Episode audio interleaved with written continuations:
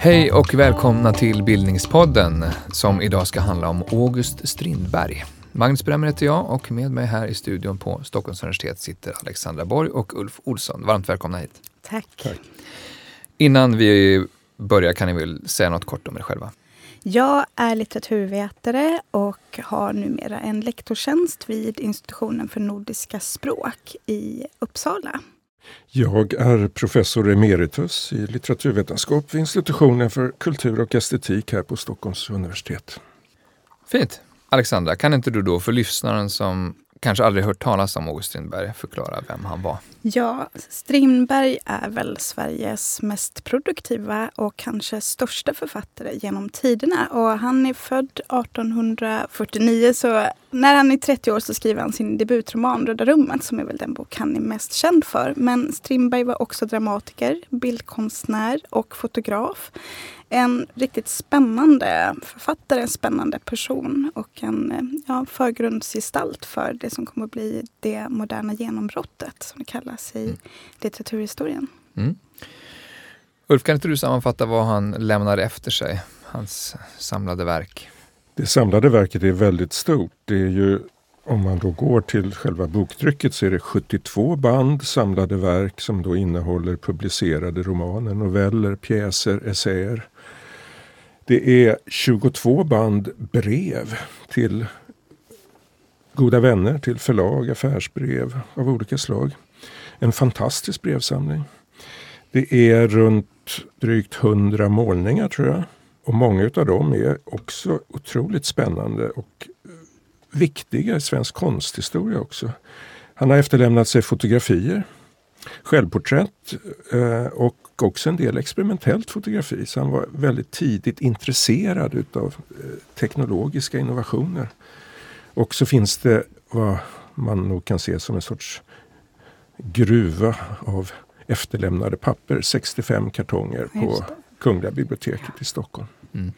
Sen kan man ju också säga att han efterlämnar ett, eh, ett rykte eh, om sig. Eh, vem han var, hur han var, hur han skrev och varför han skrev. Det mm. diskuteras ju än idag bland sådana som oss. Mm. Ja, ni beskriver honom som en, en, betydande författare och ja, konstnär. Men han är också en, en sån där kulturhistorisk personlighet, en av de stora. Det finns väldigt många bilder av mm. honom. Det gör det absolut. Vil, vilka är de vanligaste? Tyvärr så är väl den vanligaste bilden av eh, honom som väldigt misogyn och kvinnohatare. Och det måste ju naturligtvis nyanseras. Men det är synd att den har fått liksom överskugga de andra bilderna eller de andra föreställningarna eller de andra rollerna som han också faktiskt eh, gav uttryck för. Både i sitt författarskap men också som, som person. Då. Mm. I breven då. men har man överdrivit kvinnoföraktet? Ja, jag skulle nog tycka att man har gjort det. Ja. För det är så tacksamt att överdriva egentligen. Man har också gjort det kanske lite för mycket till Strindbergs och inte riktigt förankrat i tidens Nej. sammanhang. Därför att han är verkligen inte ensam om det. Det är en jättebra poäng att kontextualisera den och se den i sitt, ja, i mm. sitt sammanhang. Ja. Mm. Jag eh, minns en gång när jag som ung doktorand jobbade som lärarvikarie, gick in i en högstadieklass och skulle undervisa Strindberg. Och frågade då vad vet ni om Strindberg? Och det ena de visste det var just mm. att han hatade brudar mm. som de uttryckte ja, det. Och det andra var han var tokig. Han var dåre. Mm. Och det är väl de två lite överskuggande bilderna mm. av honom. Och jag tror att bägge är, är överdrivna och den här anklagelsen om dårskap och mentalsjukdom är ju väldigt problematisk. Hur då? Därför att det finns inga samtida diagnoser. Han var aldrig eh, eh, hos någon med medicinsk kunskap eller någonting motsvarande. Han såg ingen psykiater eller psykolog. Så det är en sorts efterhandskonstruktion mm. som han villigt spelar med i, ska vi nog mm, minnas. Det tycker jag också man ser. Sen så tycker jag det är väldigt värt att lyfta fram hans enorma produktivitet som du gjorde inledningsvis. Men vi pratar här om en författare som skriver vid sidan av att skriva dramatik, eh, eh romaner och lyrik. Så skriver han ju också över 15 000 brev. Mm. Och det är ju inte vilka brev som helst utan det är välformulerade. Det är ju litteratur i egen rätt, de texterna. Mm. Och han är väldigt medveten om att bygga upp sitt eget rykte men också bygga upp sin författarroll, sin författarposition. Så han är väldigt strategisk i sin, sin uh, ja, approach. En, en, annan sån bild är väl, är väl kanske det här stora självförtroendet som han mm. uh, utstrålade i, i olika sammanhang. Uh, min Just. eld är den största i, vad var det nu, landet? Men det är från ett kärleksbrev till mm. eh, Siri von Essen. Mm. Det Men det är också en sån här bild av honom på något mm. sätt som, som Jo, man ska nog se det som i hög grad en fråga om att lansera sig själv. Därför att han är med och utarbetar och definierar en ny författartyp. Och då måste han också leva på marknadens mm. villkor. Han måste lansera sig själv och hela tiden hitta på smarta reklamslogans för sig mm. själv. Min eld är den största och så mm. vidare. Det har att göra med att han är en ny sorts författare. Mm. Vi ska fokusera på Strindbergs litteratur framförallt idag. Ehm, men vad skulle du säga, vad, är det mest utmärkande med Strindberg, litteraturhistoriskt som författare? Jag skulle lyfta fram samhällskritiken kanske i första hand. Ehm, jag skulle också lyfta fram språkarbetet. Vad som är väldigt utmärkande för Strindberg just sett litteraturhistoriskt är att han befinner sig precis i övergången till en modern och modernistisk litteratur. Eh, han definierar först en realistisk och en naturalistisk eh, litteratur, men den är i sig modernistisk kan man säga. Men sen blir han allt mer experimentell. Och vad som är väldigt viktigt då är just eh, det som händer med litteraturen vid den här tiden, att den blir autonom, det vill säga den förlorar sitt samhälleliga uppdrag. Den är ju lika samhälleligt beroende som tidigare. Men den har inget uppdrag längre. Den har förlorat sin plats vid eh, sidan av kyrkan och hovet och de representativa funktionerna i samhället. Den blir då kritisk på ett nytt sätt. Den är friare, en friare roll? Den får en friare roll, ja. Och vad som också är typiskt eller utmärkande för Strindberg det är ju dramatiken kanske framförallt. Det är med dramatiken som han kommer ut i världen. Det är som dramatiker, han är känd utanför Sveriges gränser. Mm, så är det fortfarande? Ja. Mm.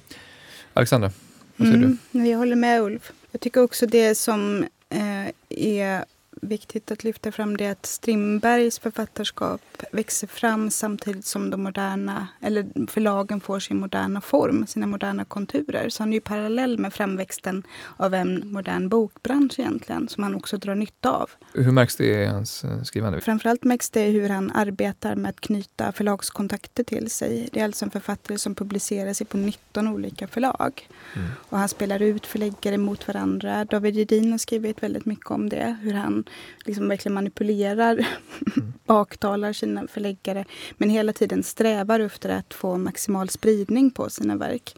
Så han är ju författaren på marknaden. Mm. Han har ju också ett förhållande till sina översättare där han betraktar dem, eller vill att de ska vara en sorts agenter för honom. Han vill ha mer än översättning, han vill ha marknadsföring. De ska placera hans författarskap och se till att det blir centralt i Tyskland och Frankrike framförallt. Mm också väldiga kontakter på de stora tidningarna. Dagens Nyheters redaktion, det var en liten redaktion, men han ber ju hela tiden sina för detta kollegor att puffa för honom. Och sen drar i alla trådar samtidigt. Mm. Han jobbar mycket modernt. V vad skulle du säga, finns det någon motsvarighet till Strindberg idag? Skulle väl Alex Schulman bli ganska glad över att jag nämner honom. Men jag kan tycka att Alex Schulmans sätt att använda olika kanaler för att föra ut sitt författarskap och också kanske Schulmans sätt att vara eh, privat, offentligt påminner mycket om, om mm. Strindbergs. Men de litterära kvaliteterna kanske inte är direkt jämförbara. Ulf? Strindberg är ju uppenbart förhistorien till dagens litteratur. Under hans tid och i hög grad koncentrerat till hans person så blir litteraturen vad den har blivit idag. så att säga. Du var inne på Alexandra på eh, det självbiografiskas roll exempelvis. Jag tror att det är så man ska se det snarare än, än att försöka hitta vem som är Strindberg idag. Det är många som aspirerar på det. Jan Myrdal kanske är det tydligaste exemplet på det men det blir ofta lite skeva identifikationer där. Va- Varför då? Är det en, en, eh, intellektuell från 60-talet, uh, författare, Ja, och och politisk debattör? Starkt eh, samhällskritisk eh, impuls och också skrivit en rad väldigt fina självbiografiska eh, verk. Så att det finns sådana likheter. Mm.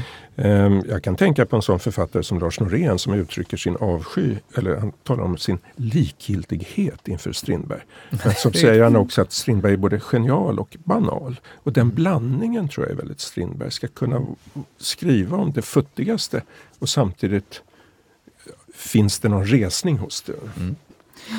Minns ni första gången ni läste honom själva?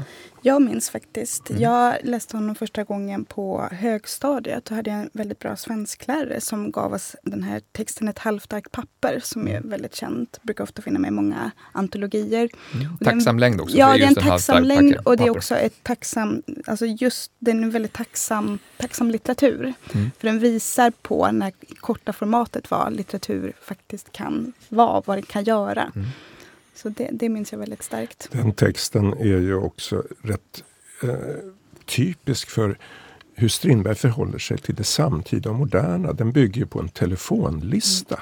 Telefonen var plötsligt någonting som började finnas i hemmen och bredvid telefonen på väggen så satt ofta en lista där det stod några telefonnummer. Man hade inte så många nummer uppskrivna kanske. Men ur en sån lista kunde Strindberg alltså konstruera ett helt liv på en halv, halv boksida. Säg något lite mer bara om vad han gör i den texten.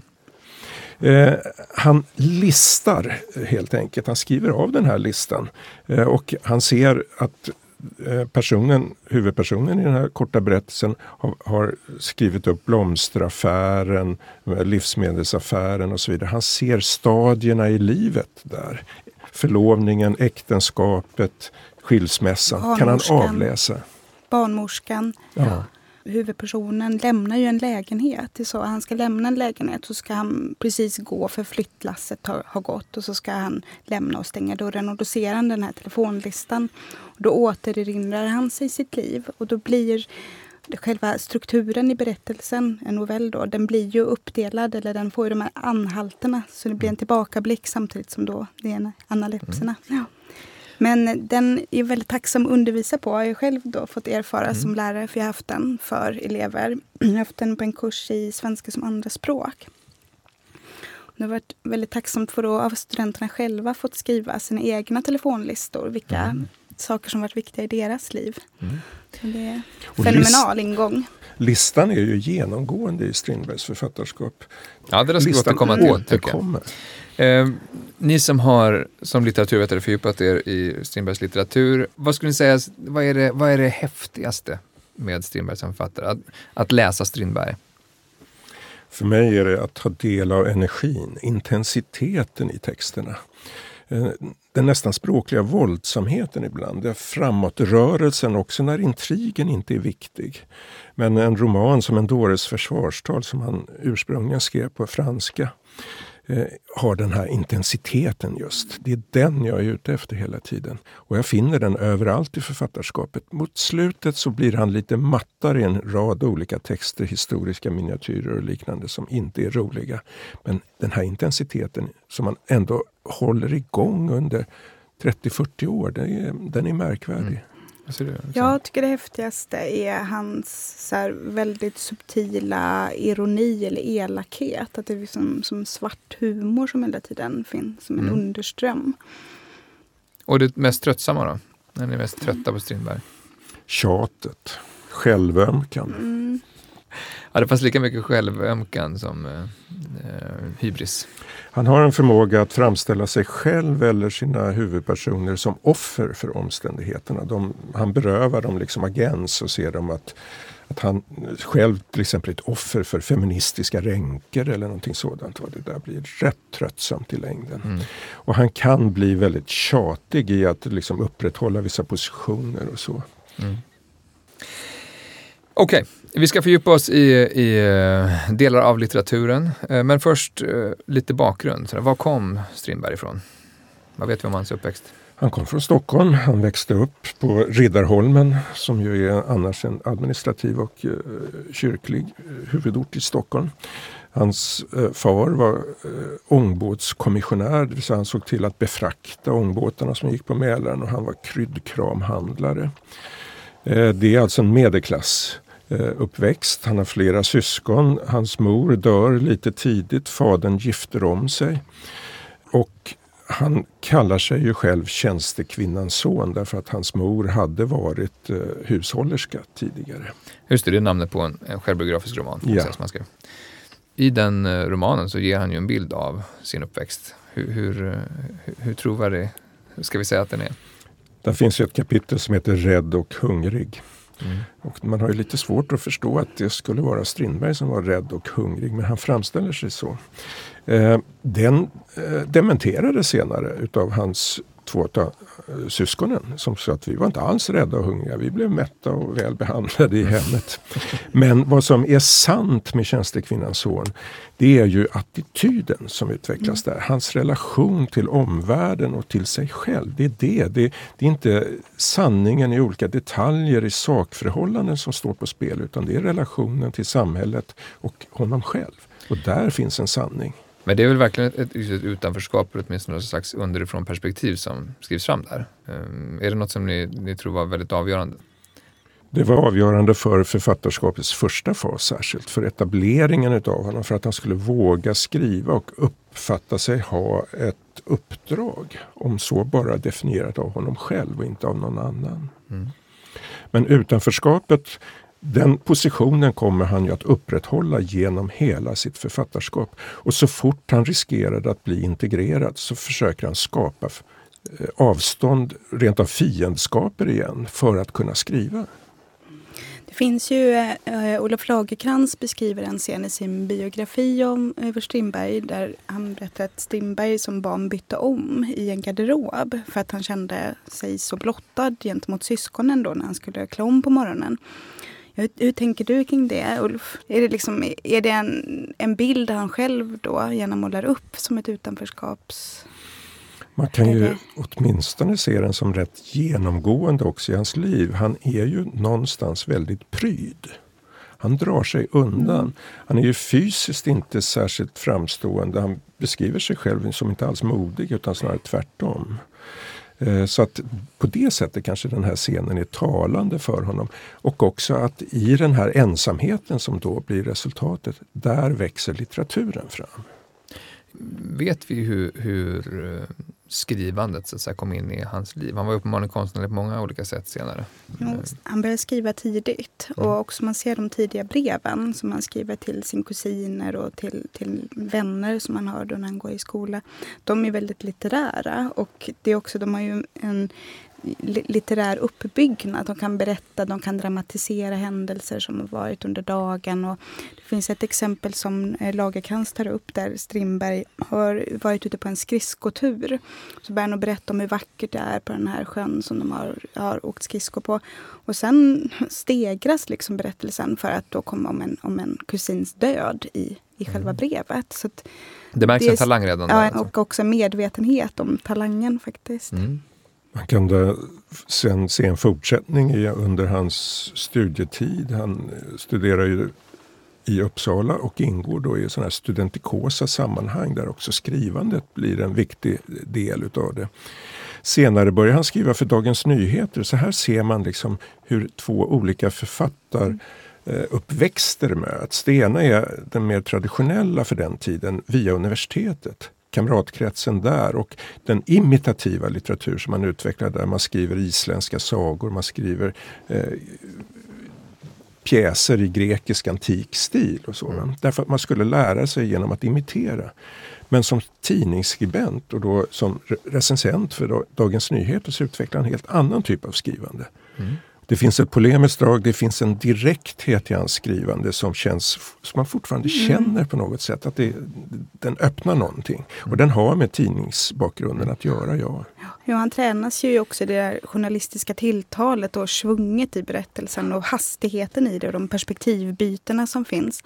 Och också som kommer mycket till ja, detta i dramatiken kan jag tycka. Mm. Annars är det rätt turbulenta år. Han börjar studera Uppsala vid två olika tillfällen, avbryter och åker hem till Stockholm, börjar skriva för DN började arbeta sen på, på Kungliga biblioteket. Det var väl i stort sett en, eh, det var en anställning som man hade i eh, ja, ett, flera mm. decendier. Det var väl den mest fasta punkten han hade ja, i sitt liv. Kanske. Där måste man också historisera lite. För okay. att skriva, vara amanuens eller var, ha liksom ett arbete som tjänsteman där. Det var ganska många som hade. Men Strindberg var väldigt glad över detta och tryckte upp ett visitkort då, där det stod att han var amanuens. Och, men Kungliga biblioteket blir ju jätteviktigt för honom därför att det blir en källa för honom. Där öser han ur källorna under många år. De blir jätteviktiga för hans etnografiska studier, böcker som Svenska folket, kulturhistoriska studier överhuvudtaget. Liksom i främmande språk, den kinesiska kulturen som han ju kommer tillbaka till i den stora avslutande Strindbergsfejden, det stora offentliga bråket som han initierar mot slutet av sitt liv. Mm. Så att de åren är otroligt viktiga för honom. Han möter också flera kontakter där som han kommer att ha livet ut och skaffar sig vänner och en, kommer in i en annan krets mm. av intellektuella. Viktigt rum för honom. Mm. Han gifter sig också med Siri von Essen. Precis. Siri från Essen hade ju tidigare varit gift med Gustav eh, Wrangel. Och det var ju ett par som Strindberg var vänner med. Alltså det var ju bekanta. Och sen så ja, uppstår ju musik mellan Siri och August. Då. Vad fick hon för betydelse för, för Strindberg? Ja, jag tror väl att Strindberg fick större betydelse för henne än egentligen tvärtom. Men det kanske vi kan diskutera för att eh, hon kom ju från en adlig miljö, högborgerlig miljö och ville bli skådespelerska. Och att arbeta som överståndskvinna vid den här tiden, det var, det var någonting man inte gjorde. Men han uppmanar henne att söka jobb eller att, ha, att, att stå på de stora scenerna och kunna utöva sitt yrke som skådespelerska och kunna läsa dramatik och arbeta vid teatern. Och det gör ju hon, så hon tar ju klivet ut där. Mm. Jag tror ju att Siri van Essen var väldigt viktig för Strindberg. Därför att hon blir också en källa för honom, eller ett ämne för honom. Han lär sig någonting där. Han lär sig något om kärlekens villkor och som han ju kommer att återkomma till ideligen under eh, sitt författarskap. Relationens, familjebildningens eh, betydelse. Så att jag tror att de åren med henne är väldigt formativa. Mm. Hur kommer det sig sen att han eh, blir skrivande på riktigt, så att säga? Eh, vad är det som händer här i hans liv som gör att, att, han, att han blir författare? Jag tror att den journalistiska erfarenheten är helt avgörande för det. Det är då man blir en skrivande människa. Och det är då också han lär sig att iaktta och observera världen. Han vill ju gärna bli författare. Det verkar det målet är inställt på att bli författare redan när han som 15-åring skriver brev till sina vänner och sina skolkamrater. Och han gör en del försök. Han skickar eh, både pjäser ja, ja, och andra och verk. Mm. Men, men eh, Röda rummet utkommer alltså 1879 och blir det stora genombrottet. Kan, Alexandra, kan du dra ja. vad boken handlar om? Eh, Röda rummet handlar då om Arvid Falk eh, som är en ung man i Stockholm som precis avslutat sin bana som ämbetsman. Och han vill bli författare och slå igenom och skriva, nå en större publik om vi skriver litterärt. Han vill bli ett namn? Han vill bli ett namn. Och just det här med att bli ett namn, skapa sig ett namn, det är supercentralt i mm. Röda rummet. Och det handlar egentligen om, hans, om det här året när Arvid Falk försöker slå igenom. Och om möten med förläggare och om eh, konstutställningar han går på. De bohemkretsar som han liksom vistas i och vänner han omger sig med. Men det handlar också om Arvid Falks relation till sin bror Karl Falk som är krämbordsföreståndare. Och eh, det går ju inte riktigt bra med de här författarplanerna. Och så han lever ett utsvävande liv där han nästan går ner sig, men mm. han återkommer. Ja. Eh, liksom äh, Mäster Olofs, äh, en pjäs som han skriver vid samma tid, så, så, så, är det en bok som på många sätt handlar om att det nya möter det gamla, på sätt och vis. Um, varför tror han han, han är intresserad av det vid den här tiden? Jag tror att den också kan förstås som att det unga möter det gamla. Det friska möter det sjuka. Eh, Arvid Falk används ju som en sorts transportör i romanen. Han får uppsöka en rad olika miljöer som Alexandra var inne på. Där är välgörenhetsföreningen, det är ett möte i den så kallade arbetarförbundet Nordstjärnan som är liksom adens och borgarklassens lekstuga. Eh, det är tidningsredaktioner. Han uppsöker också eh, ska man säga, hyckleriets platser i svenskt samhälle vid den här tiden och, genom, och låter oss genomskåda det och se att de här språken, de här orden som yttras i de olika sammanhangen är falska och lögnaktiga. Mm.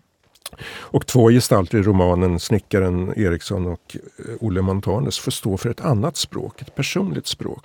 Och när språket ligger på din kropp, då blir det också sant i den här romanen. Så att här står en kamp mellan ett nytt språk och ett gammalt språk. Det gamla är hovets, kyrkans, de förlegade institutionernas dödande språk. Och mot det står då ett nytt språk, lite osäkert och mm. var det ska finnas i samhället. Precis, vi glömde säga det. Den här romanen tilldrar ju sig i Stockholm. Och den, eh, Strindberg har låtit romanen utspela sig i ett Stockholm på gränsen till moderniteten. Så även ifall romanen utkommer 1879 så är scenen det är Stockholm 1860 och det är då de här stora stadsomvandlingarna sker. Albert Lindhagens plan och Stockholm byggs om. Som, det är fonden. Och mm. Arvid Falk blir ju den här romanens röda tråd egentligen. Som journalist så går han runt på de här olika ställena, riksdagsdebatter och, Just det, stånds riksdag som ska bli tvåkammarriksdag 1866. Så det är en, en genialisk fond han bygger mm. upp. Men det är i mångt och mycket en, en, byråkratisk värld som man beskriver, mm. eh, där ju bokmarknaden, eh, bokbranschen på sätt och vis ingår. Verkligen, och det får man ju också då inblick i när Arvid Falk då försöker ta sig fram som författare. Men det är så talande med Röda rummet, det är ju namnet på ett rum, alltså på en salong på Berns då, som är det nya Stockholm i miniatyr. Där olika gestalter ur Stockholms inneliv liksom gnuggar axlarna mot varandra över en toddy. Så det, ja, det är en festlig roman. Innestället. Innestället. innestället. Mm. Mm. Men det är också borgerskapets salonger och fattigkvarteren och de här bohemkretsen uppe vid Vita bergen. Mm. Det har ju kallats ibland för eh, Sveriges första moderna roman. Varför, varför säger man det och stämmer det?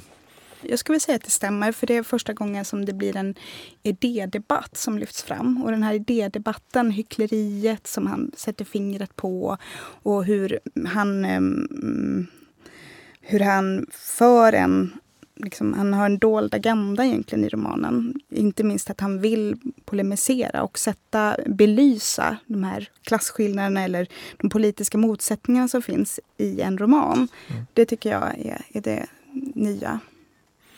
Jag håller med och den är ju väldigt provokativ. Det är en provokation mot samtiden. Och det blir än tydligare med den efterföljande skandalsuccén Det nya riket från 1882 tror jag den kom.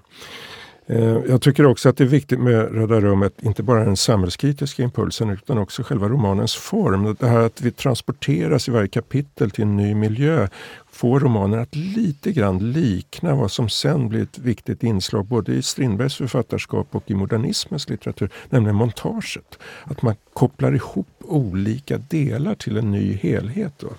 Samtidigt som den här romanen ju har kvar lite gammaldags realistiska konventioner ärvda från fransk litteratur, framförallt Balzac. Hur skulle en historia kunna se ut som inte berättas på det här montageaktiga sättet? Tiden, tiden och rummets enhet, att den tilldrar sig på en plats. Men jag tänker den här tablåliknande uppbyggnaden. Eh, en del spekulerar i att det har att göra med att Strindberg först ville ha ut den som följetong. Det finns brev han skriver till Rudolf Wall som var chefredaktör vid DN, där han säljer in sin idé. Om att, att man publicerar det i mindre delar. Så att ja. säga. Mm. Och då blir det ju ganska frestande att skriva just den här rummets och tiden enhet fast som en tablå. Men om man sätter ihop den sen så blir det har det blivit en roman av det. Så han arbetar om den alltså till roman. Mm. Eh, Alexandra, du har precis utkommit med en, en bok tillsammans med formgivaren Nina Ullmaja som heter Strindbergs lilla röda. Eh, som på många sätt uppehåller sig vid eh, Röda rummet just som bok. Absolut. Genom eh, 140 år av svensk bokutgivning, bokproduktion. Och boken handlar om formgivning, men det handlar också om hur böcker görs och om förlagsmarknad i förändring. Och när vi skrev den här boken, det började som ett forskningsprojekt där vi ville titta på hur de här upplagorna, hur har de sett ut och hur har de gjorts och vilka har de riktat sig till, vilka har de tilltänkta läsarna varit och så vidare. Då hade vi inte något case. Så vi, vi visste Okay. inte var vi Mm. skulle börja. Utan vi hade en idé Vilken att, bok ni skulle nej, använda sen. vilken bok vi skulle använda. Precis. Vi, vi ville berätta den moderna svenska historien om, om, om svensk bokdesign och bokproduktion. Och så spånade vi och kom fram till att Röda rummet är ju ett väldigt bra exempel. Och det var det, för den har alltså då kommit ut i 140 upplagor. Och bara nu i år så har den kommit ut i fyra upplagor. Så det är alltså eh, två förlag. Nordstedts har gett ut tre varianter eh, och eh, Bakhåll i Lund ger ut en nu i höst. Men är det så att det här det moderna draget hos den här boken också märks i, i hur den utformades som Ja, bok? men det, man kan säga att det märks i typografin. Och det är faktiskt Sara Danius som först påpekade det här i en liten uppsats som heter Strindberg, staden och skyltarna. Och det är det Ulf sa inledningsvis om att det finns många listor i Strindbergs författarskap.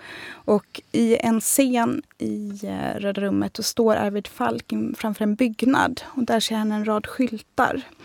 Och då förekommer de här skyltarna i texten, alltså i brödtexten, i, eh, på själva sidan så återges vad som står på skyltarna.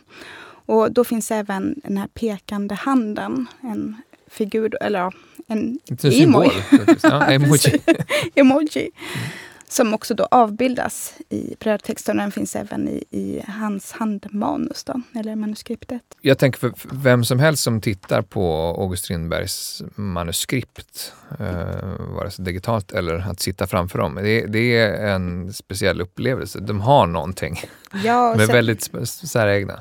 Absolut. Och sen Strindbergs handstil skulle jag säga är Sveriges mest kända handstil. Alla känner igen den just för att den används så mycket i marknadsföringssyfte. Jag tänker Augustpriset till exempel. De Mm. har ju det ja, på sina reklamevent. Och det finns också uppförstorad för Stockholmsbor som passerar Rådmansgatan.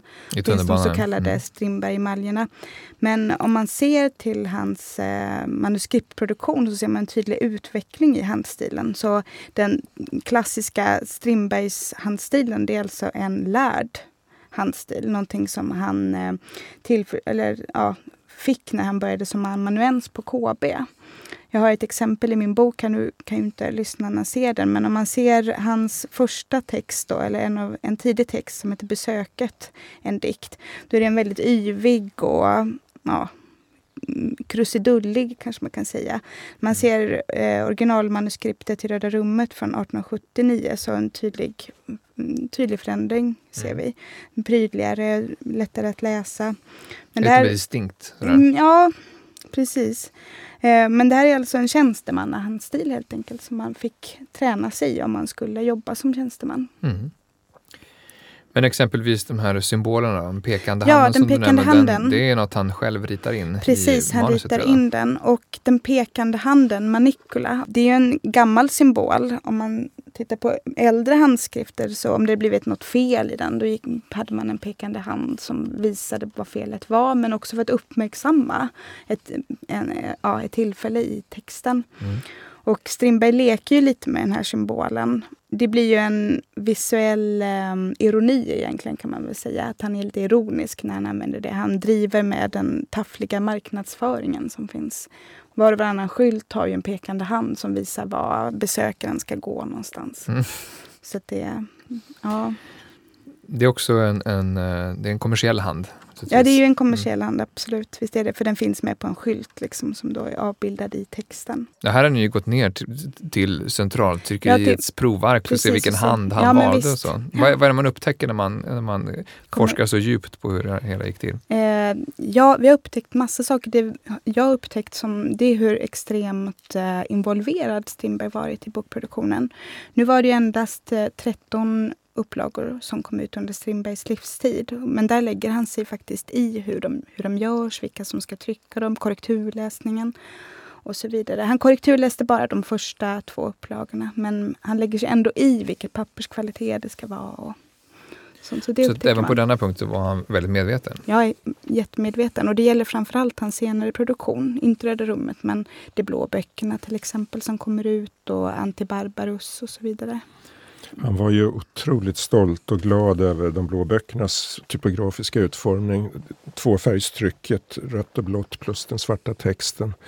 Och han sa att det skrev i något brev att det var den vackraste bok han hade sett. eller någonting liknande. Ja, rekord i svensk typografi skrev han. Det var till bröderna Lagerström då, som fick motta det. Jag har faktiskt en bild på just det här brevet han skriver. Det är en bild, det är ett, det är ett vykort med honom själv då som han skriver. Det, en selfie mm. som han skickar iväg. Och tackar. Och tackar dem ja, för mm. det fina trycket.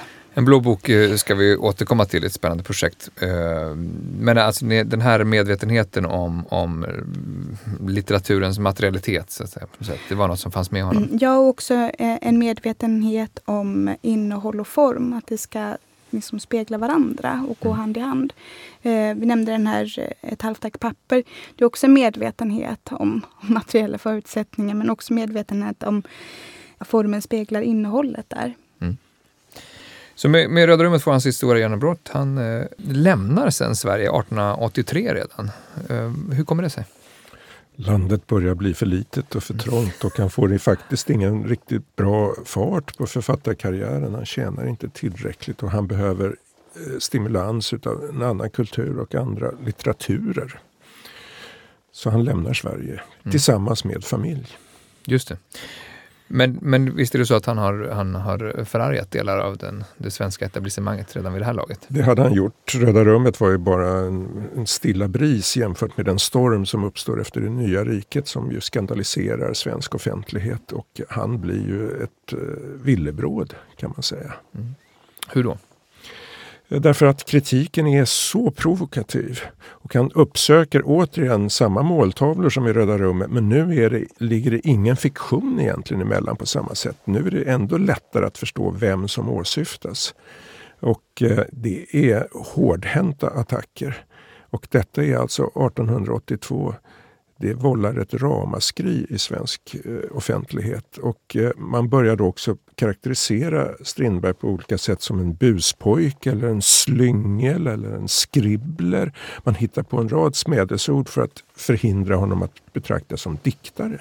Men det är i stort sett kyrkan, det är hovet. Eh, Akademin. Mm. Han går rakt på liksom hjärtpunkten av etablissemanget. Ja. Alltså jag skulle också lämnat Sverige ifall jag, alltså även om jag inte var Strindberg, men bodde i Sverige 1883 så skulle jag tycka att det var lite för liten stad. Stockholm var lite liten. Den börjar växa lite grann med bland ja. sådana som honom kanske. Men ja. eh, giftasprocessen eh, var något som han också eh, både så att säga, startade och, och blev utsatt för eh, medan han var utomlands. Vad var den för någonting? Han publicerade novellsamlingen Giftas. I den, som är alltså tolv äktenskapshistorier, så ingår det en novell som heter Dygdens lön och där säger han att eh, nattvardens sakrament kommer från firma Lettström och kostar si och så mycket och så vidare. Och detta uppfattades som en grov hädelse. Man hade ju förväntat sig att Strindberg kunde drabbas av åtal för sedlighetsbrott men det blev alltså ett åtal för hädelse han hade samlat ihop till det här åtalet får man nog säga genom sin provokativa hållning och sin ryktbarhet. Han blev faktiskt frikänd i rättegången men ändå så kan man tydligt märka att han blev dömd på något vis och att så uppfattades nog situationen också utav eh, andra författare. Han förlorade lite grann av det stöd han hade haft från samma författargeneration. Han blev isolerad. Han återvände omedelbart till utlandet för att undkomma den här typen av negativitet som det här spred omkring sig. För det här visar att författarna var ansvariga för vad de skrev och de kunde åtalas. Och nu blev det lite farligt att vara samhällskritiker. Så när litteraturen fått den här nya eh, friare men också med kritisk, samhällskritiska rollen så, så då blir den också åtalbar. Mm. Jag tänker när man läser Det nya riket och när man läser Giftas, det man slås av det är ju antisemitismen och den ganska fräna misogynin som finns i den. Antisemitismen var väl något han själv kommenterade i efterhand, åtminstone något han skrev om själv. Antisemitismen följer Strindberg genom hela författarskapet. Ibland kommer den till starka uttryck, ibland betydligt mildare. Han kan ta lite grann avstånd från den men aldrig helt befria sig från den. Återigen här måste man vara noga med att säga att han talar tidens språk. Ja, man ville ju gärna se sig som så originell men i själva verket så uttrycker han ju ofta tidens starka tankeströmmar och fördomar. Eh, antisemitismen finns i Röda rummet, den finns i Det nya riket. Sen kommer den på ett väldigt intressant sätt tillbaka i en scen, hans sista, eh, eller näst sista roman Syndabocken, som handlar just om hur en människa blir utstött ur en samhällelig gemenskap. Och det sägs aldrig i texten att huvudpersonen är av judisk börd, men ingen kan ta fel på det när man väl ser att han kallas kosmopolit, han eh, talar på ett särskilt sätt och det är allt som hörde till den eh, karikatyren av vad en judisk man var för någonting. Det finns i den berättelsen. Men Strindberg är inte antisemitisk öppet i det, men han använder en antisemitiskt språk för att eh, skriva den här texten. Mm. I Röda rummet så är antisemitismen väldigt öppen och väldigt tydlig. Och om man ser originalmanuset så heter ju förläggaren, som då får heta Smith i den tryckta första Eh, upplagan heter ju Moses och han mm. bryter till och med då på ja, jiddisch. Men visst var det här någonting som han själv kommenterade senare? Ja, han kommenterar ju sitt eh, judahat. Det gör han ju i brev, men han tar ju inte direkt avstånd från det eller ursäktar sig, utan det är tankegods som finns i tiden som han plockar upp. Mm. Han är hela tiden väldigt beroende utav eh, en judiskt ägt förlag som Bonniers, han har viktiga judiska vänner så att han, han trampar omkring i det där och han blir aldrig riktigt tydlig var han egentligen står. Mm. Och det där att vara beroende var ju fruktansvärt problematiskt för Strindberg så han var hela tiden tvungen att säga upp sådana beroenden. Mm. Slog åt många håll. Ja. Eh, men under de här åren, alltså väldigt, väldigt turbulenta år, han lever i exil, men också extremt produktiva år. Alltså, många av hans mest kända verk tillkommer. Fröken Julie, Fadern, Tjänstekvinnans son och så vidare. Hänger det här ihop på något sätt? Varför är det så? Exil är ju ett otroligt viktigt inslag i, den, i moderniseringen av litteraturen. kan man säga. Vid samma tid så sitter ju Henrik Ibsen, den norske dramatikern, och skriver sina väldigt norska dramer i Italien och Tyskland. Så exil tycks vara ett konstitutivt element för, för den nya litteraturen. Och man behöver det här utanförskapet, den här ställningen vid sidan av för att kunna rikta blicken på riktigt mot anatomin i det samhälle man vill studera tror jag. Så att exilen är nog väldigt viktig även om den faktiskt är frivillig. Han är ju faktiskt inte bortkörd eller förbjuden att vistas i Sverige. Men jag tror att den är helt central för eh, hans konstnärskap. Mm. Och, och, att det är just både stora dramer och eh, romaner som man skriver den här tiden. Går det att säga någonting generellt om, om eh, relationen mellan dramatiken och, och prosan för Strindberg? Han säger ju själv roligt att han eh, skriver romaner som han försöker få sålda i stora upplagor för att försörja sin dramatik som ingen vill spela. Mm. Var det så? så? Ja, han var inte så riktigt så spelad än som man skulle kunna tro. Han hade en stor försörjningsbörda. Han hade familjen med sig. Man hade ofta hushållerskor. Man bodde på pensionat i de här olika länderna. Man reste runt. Eh, Strindberg hade ju över 200 bostadsorter under sitt liv. Det är liksom en häpnadsväckande karusell som pågår. Och det är ett dyrt sätt att leva så han behövde försörja sig så han är extremt produktiv. Och tre barn och hustru. Det blir fler barn allt eftersom. Ja. Men jag gjorde det här jobbet, alltså ta del av hans tiggarbrev till förläggare. Mm. Mm. Det är rätt fiffigt. Han listar upp, han har ett väldigt gott minne och han vill ju... Äh, Strindberg fick ju goda arvoden. Han fick ju ofta arvoderades högre än andra författare så att han hade ju en ganska bra inkomst trots allt ändå. Men vad är, vad är utmärkande för de här tiggarbreven? Ja, att han påminner om att han minsann inte har fått betalt för det här. Och det är också tydligt att han skriver texter som han vet kommer ge betalt. Mm. Så att han skriver tror långt. Att, att, tror ni att provokationen var någonting han, han använde sig medvetet av absolut. Nu kan jag bara tala för Röda rummet men eh, jag vet att de här antisemitistiska inslagen är medvetet provokativa för att han skriver i ett brev att han har lagt in scener som är tydligt antisemitistiska för att väcka uppståndelse. Mm. Och även det finns scener med en skådespelerska som är lite promiskuös. Och, så det, det är medvetet att provocera. Mm. Vad säger du om det? Jag tror Alexandra har helt rätt. Eh, och eh, det finns ju dessutom brev som ser ut nästan som utpressningsbrev där han är beredd att eh, självcensurera sina texter mot viss ersättning. Ja, för de här också Strindbergs manus, de antogs ofta med lite klausuler om att mm. förläggaren, om, om han skulle ge ut Strindberg så hade han viss rätt att censurera också. okay. Så att han ja, man, ja, visste vem han jobbade med. Mm. Men någonstans kring början av 1890-talet så är, bilden åtminstone att Strindberg går från att vara kanske den här koleriska provokativa personen till att bli galen, som du var inne på Ulf. Säg något om den här perioden. Nu är vi alltså vid mitten av 1890-talet. Ehm, Strindberg har skilt sig och gift sig och skiljer sig igen. Nu den andra hustrun, den österrikiska journalisten och författaren Frida Ohl. Eh, han tillbringar eh, tid i Berlin först som ett närmast bohemiskt liv. Träffar sen Frida Ohl, skiljer sig rätt snart efter att ha fått en dotter med henne. Och bosätter sig i Paris. Och han är inte produktiv som författare i traditionell mening. Han skriver vad han kallar sina kemiska sonetter. Det vill säga han experimenterar med kemi, han eh, fantiserar om att framställa guld.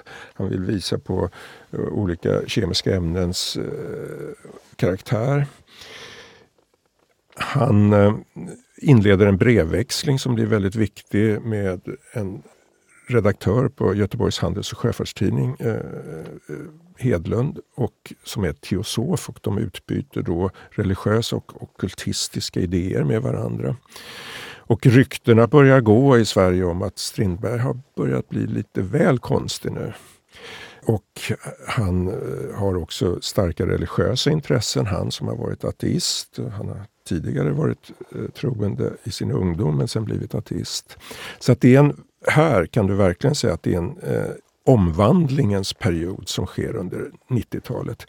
Men att tala om honom som mentalsjuk eller som drabbad av sinnessjukdom i någon form och så vidare tycker jag är ett övergrepp på honom därför att vi har ingen patient, vi har ingen diagnos. Det finns inget sånt underlag för att diagnostisera en författare.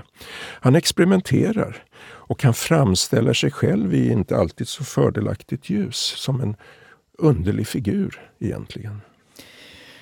Det här med, men det är klart det finns eh, passager där han skriver eh, exempelvis detta att han, han ser återkommande målformationer och korrespondenser på olika sätt som ska vara ödesbestämda eller på annat sätt andligt påverkade.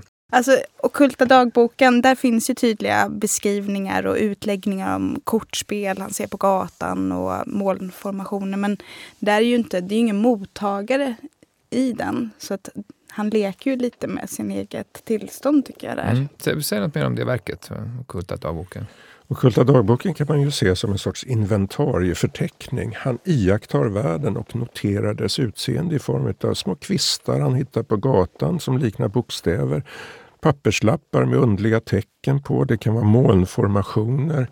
Men det är just den här noggrannheten i det. Och också eh, bekanta vad de råkar ut för. Han klistrar in, vilket är väldigt spännande, en rad tidningsurklipp. Och tidningsurklipp vid den här tiden, mot slutet av 1800-talet, blir en kulturteknik. De första firmorna som sysslar med tidningsurklipp som affärsidé etableras under andra halvan av 1800-talet.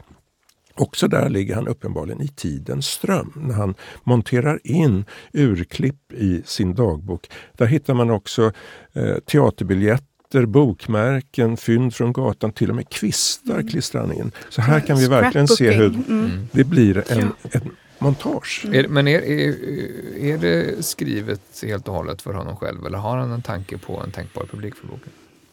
Dagboken? Kanske är det en arbetslogg. Jag tar faktiskt upp Okulta dagboken i eh, den här Strindbergs Lilla Röda. För jag ser den som ett konceptuellt, en konceptuell bok. Alltså mm. en, det är som en artist book. Precis, ett mm. försök att göra någonting med bokmediet.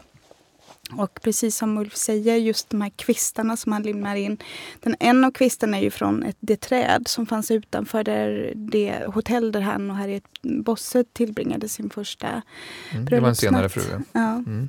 så det, men jag tror att allt en författare gör har ju någonstans eh, ambitionen att ja, bli tillgängliggjort för mm. en bredare publik. Men om det är en arbets dagbok eller en, en logg. Så det kan ju vara osagt. Men jag tänker också ockultismen ligger verkligen i tiden. Detta med en, en ny sorts andlighet och eh Eh, gärna kanske kombinerat med lite drogliberal inställning och eh, absintdrickande och sånt som vet att Strindberg ägnar sig åt. Eh, är, är det tänkbart att det är en, en pås någonstans också? Det är till väldigt stor del en pås skulle jag vilja säga. Han utprövar en pås och det gör han ju väldigt ofta under sitt författarskap. Han prövar en nietzscheansk hållning efter att ha haft sin, sin kontakt med eh, den tyska filosofen eh, Friedrich Nietzsche och hans idéer om övermänniskan. De har också en kort brevväxling innan Nietzsche går in i sinnessjukdomen. Han prövar vissa påser. Nietzsche blir betydelsefull för författaren författarfunktionen eller författarrollen så som den skrivs in i en roman som i Havsbandet. Den här författarrollen, hur märks det? Eh, I romanen i Havsbandet handlar om en fiskeriintendent som ska modernisera fisket i Stockholms ytterskärgård. Men vad han i själva verket gör är att han försöker bli en skapargud. Han försöker bli den som omdefinierar och bygger om världen där med hjälp av moderna uppfinningar som dynamit så spränger han sönder ett skär för att få en effekt att framträda på himlen. Han blir alltså en sorts gud som skapar världen på nytt och det är väldigt inspirerat utav Nietzsche-läsningen. Mm. Okultismen är samma sak där, tror jag. Att han, han med dess hjälp börjar betrakta världen på nya sätt. Han är inte dugg okultistisk egentligen tror jag, utan det han vill åt är det där som motiverar konstnären. Seendet av världen, föremålen, det mest triviala kan bli föremål för konstnärligt skapande. Då. Och ockultismen hjälper honom till det. Mm. Eh, du Ulf är aktuell med en bok eh, under hösten om eh, den sene Strindberg. Är det det här den senaste Strindberg? Är det honom vi talar om nu? Är det en, är det en, är det en tid i hans liv eller en, något som har med en stil att göra? Ja, det är naturligtvis anspelar ett ord som Strindbergs sena verk på att det är andra halvan av författarskapet, det är en lite äldre författare. Men det sena har egentligen inte så mycket med den biografiska personen att göra. Det har inte med åldern att göra utan kanske snarare med konstnären som nu har blivit så erfaren att han kan använda världen och sitt seende utav den på nya sätt. Det sena verket präglas alltså utav att där finns alla konventionerna kvar. Om man tittar på kammarspelen som Strindberg skriver i mitten på eh, första decenniet av 1900-talet så skramlar det utav teaterkonventioner och samtidigt finns det något väldigt nytt och väldigt djärvt i det. Och I den här kombinationen utav tomma konventioner och radikal förnyelse, det är det sena verket och, och det pekar direkt fram mot den modernistiska litteraturen. Ja, för här har vi ju en, det ni har beskrivit innan med startskott för det moderna, med eh, Röda rummet, en ny sorts litteratur, samhällskritiskt, man pratar om det moderna genombrottet, eh, 80-90-talslitteratur och så vidare. Eh, men nu börjar vi gå in och tala om modernism istället. Eh, vad, genom Strindberg, hur ser, hur ser vi den här förskjutningen av Strindberg? Eh, vi ser det i, man kan följa processen väldigt tydligt i de efterlämnade papperna. Och det är där man verkligen hittar just de här listorna. Att han listar hela tiden. Han håller på med massor med olika projekt och gör, tar dem ofta i listans form. Vad man också ser är att det börjar komma in språklekar. Att han börjar skriva lite nonsensaktigt. Han, ett par dikter i ordalek och småkonst eh, är ljudhärmande och inte betydelsebärande på det sätt som språk vanligen är, utan han bara leker med ljuden. Och Det går igen i en pjäs som eh, Spöksonaten där eh, plötsligt en mumie kan låta som en papegoja. Det är fullkomligt vansinnigt för tiden. Men han gör det och lyckas få det att bära också. Jag tänker också på den här Ensam som kom 1903 i Nordiskt familjebibliotek. Det är ju huvudpersonen då är en man som lever avskild men han går runt på kvällarna och tar som det heter ögonblicksbilder som han sen då bearbetar i efterhand. Återigen en teknik, fotografiet som används som en slags övergripande metafor för sättet författandet och skriva. Det är också en, en modernistisk egentligen sätt, mm. tillvägagångssätt. En inre monolog är någonting man ofta ja, Det finns mycket inre monolog i den också kanske ännu mer i romanen Taklagsöl som handlar om en döende man och hans tankar. Det är inte en äkta inre monolog på det sättet att vi faktiskt Du får förklara vad det är. En inre monolog i den modernistiska litteraturen är egentligen insidan av en människa, det som man inte yttras. Men här så är det en morfinrus som vi följer och det tar sig uttryck i hans flod av tal helt enkelt. Som rör sig genom hela hans liv. Men det får faktiskt en viss kronologisk ordning också. Men den är intressant också därför att den hur kommer sig att han börjar tala på det här sättet? Jo, han lyssnar på en eh, grammofoninspelning. Mm. Eller snarare som det hette då, grafofonen. Och den utlöser ett tal. Din bok har titeln Paradoxografier. Vad betyder egentligen paradoxografi? Paradoxografi kommer sig av att Strindberg ständigt beskylldes av samtiden för att skriva paradoxalt. Han var en paradoxmakare och med det menar man något väldigt negativt. Att han var motsägelsefull? Motsägelsefull, inbilsk och konstig igen. Men paradoxografi är en antik genre. Den var inte så enormt utspridd men den fanns där och den handlade om att skriva om det oförklarliga om kalvar som föddes med två huvuden exempelvis. Varför det? Varför var naturen så här plötsligt? Och det är vad paradoxografin sysslar med. Och man kan säga att Strindberg sysslar med det också. Han iakttar världens märkvärdigheter. Det kanske allra tydligaste exemplet på det är hans väldigt eh, säregna blå böcker. Det är ju en blå bok i fyra volymer som kommer ut 1907 till 12. En och, till blå bok så här heter de. Ja, en extra blå bok. Ja. Så. Det räckte inte med en blå bok uppenbarligen? Nej, de behöv, det behövdes flera faktiskt. Hur, hur märks det här där? Han, Strindberg själv tänker tillbaka på blåböckerna och säger att det här är, har jag skrivit det här? Det är nog det märkvärdigaste som har skrivits. Och det ligger någonting i det. Det är alltså ett verk på 1500 sidor och varje text är mellan några rader och några sidor långa. Så att det är alltså hundratals essäer i en rad olika ämnen. Och han upprättade själv ett register till de blå böckerna för han var rädd att varken han själv eller läsarna skulle hitta det man letade efter. Så han administrerade samtidigt de texter han skrev och han försökte också marknadsföra de här. Han ville gärna ha olika typer av publiceringar utav de blå böckerna. Och de handlar om allt mellan eh, ska vi säga kristen fundamentalism och konkreta studier i dialoger mellan människor som går helt fel. Och de här dialoganalyserna är rätt fantastiska faktiskt.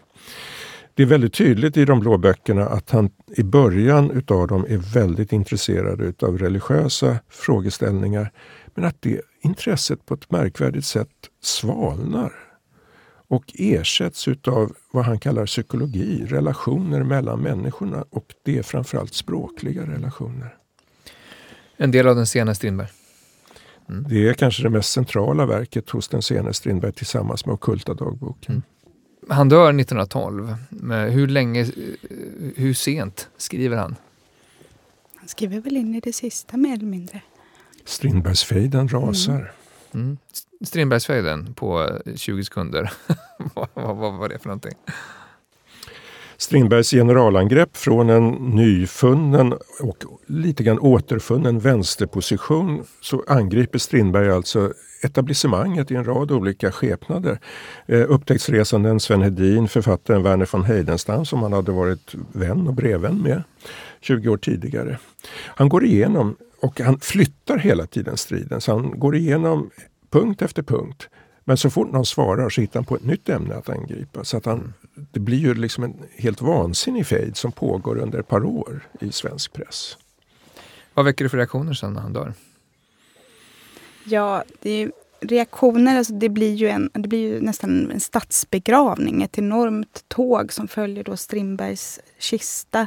Framförallt, framförallt arbetarrörelsen uppmärksammar detta och det är stor hyllning. En stor författare har gått ur tiden. Mm. Så trots hans provokativa natur så är det ändå en, något av en nationalförfattare som går ur tiden här? Jag vet inte om man ska tala om en nationalförfattare som han är en författare som splittrar och hela tiden vill splittra också i goda och onda, i vita och svarta och så vidare. Att han delar upp sin publik i anhängare och motståndare. Så, så att han, och han står aldrig för något nationellt ideal. Man kan beskylla Strindberg för mycket men nationalist var han knappast. Mm. Jag tycker det är så märkligt att just arbetarrörelsen gör honom till sin författare för att han är ju inte riktigt arbetarvän egentligen. Men det är väl, ja. Den en logiken som är fascinerande. Äh, synliggör klassperspektiv ja, jo. Mm. Hans tal underifrån och snett från sidan är naturligtvis mm. väldigt viktigt och inspirerande för de samhällsrörelser som han är samtida med. Alltså rösträttsrörelsen, arbetarrörelsen, kvinnorörelsen, nykterhetsrörelsen inte att förglömma också, frikyrkorörelsen. Här talas ju på nya sätt och i spetsen för det här nya sättet att tala finns faktiskt Strindberg också. Mm. För lyssnare som nu har blivit eh, inspirerad och uh, vill läsa någonting mer av Strindberg på en gång. Uh, har ni någon personlig favorit som ni skulle vilja rekommendera ur verket? Jag skulle nog rekommendera Ensam från 1903. För jag mm. tycker den är en väldigt fin betraktelse över ja, ensamheten och avskildhetens villkor. Ulf? Det beror naturligtvis av vem man är som läsare. Jag skulle också ha ensam väldigt högt på min lista. Liksom jag har Inferno som kanske är en mer komplicerad roman och Endores försvarstal. Men jag tycker också att man kanske inte måste bara läsa Strindberg, man kan väl gå på teatern. Det är ju den som i hög grad har hållit Strindberg vid liv för oss och gör så än idag. Och som hittar nya sätt att spela honom. Man kan läsa hans dramatik också? Man kan läsa dramatiken och är man riktigt bekväm där i soffan så kan man ju sätta på SVT Play och titta på svenska tv-klassiker som Hemsöborna i mm. svartvitt från 60-talet. Man kan se Ingmar Bergmans uppsättning av ett drömspel för tv-teatern. Mm. Så det finns många sätt att komma in i Strindberg. Strindberg finns ju också som tecknad serie, Röda rummet mm. just. Per Demmervall. Mm. Om man inte har läst någonting av Strindberg tidigare, vad är bra ingångsverk? Ett halvt ark papper är ett bra ingångsverk mm. skulle jag säga. Just jag för att den är så lättillgänglig. Mm. Har vi någon annan? Om man är intresserad av modern litteratur så finns det en essä som jag tycker är helt avgörande och som också är en, är en fantastisk introduktion till den sene Strindberg och det är Förvirrade sinnesintryck. Han skrev den på franska, den publicerades i tre delar i den franska dagstidningen Figaro. Mm. Men det är en eh, jätterolig och spännande essä om hur han anländer till Paris och hur han är omskakad efter tågresan. Mm. Så han ser inte klart, han är förvirrad. Vi lägger länkar till allt detta på anekdot.se. Tusen tack Ulf Olsson och Alexandra Borg för att ni ville vara med. Tack. Tack. Tack också ni som har lyssnat. Vi är tillbaka om ett par veckor med ett nytt avsnitt. Tack för att ni har lyssnat. Hej! Du har lyssnat på Bildningspodden en del av bildningsmagasinet Anekdot. Podden spelas in på Språkstudion och ljudproducent är Kristin Eriksdotter Nordgren. Fler poddar, filmer och essäer hittar du på anekdot.se.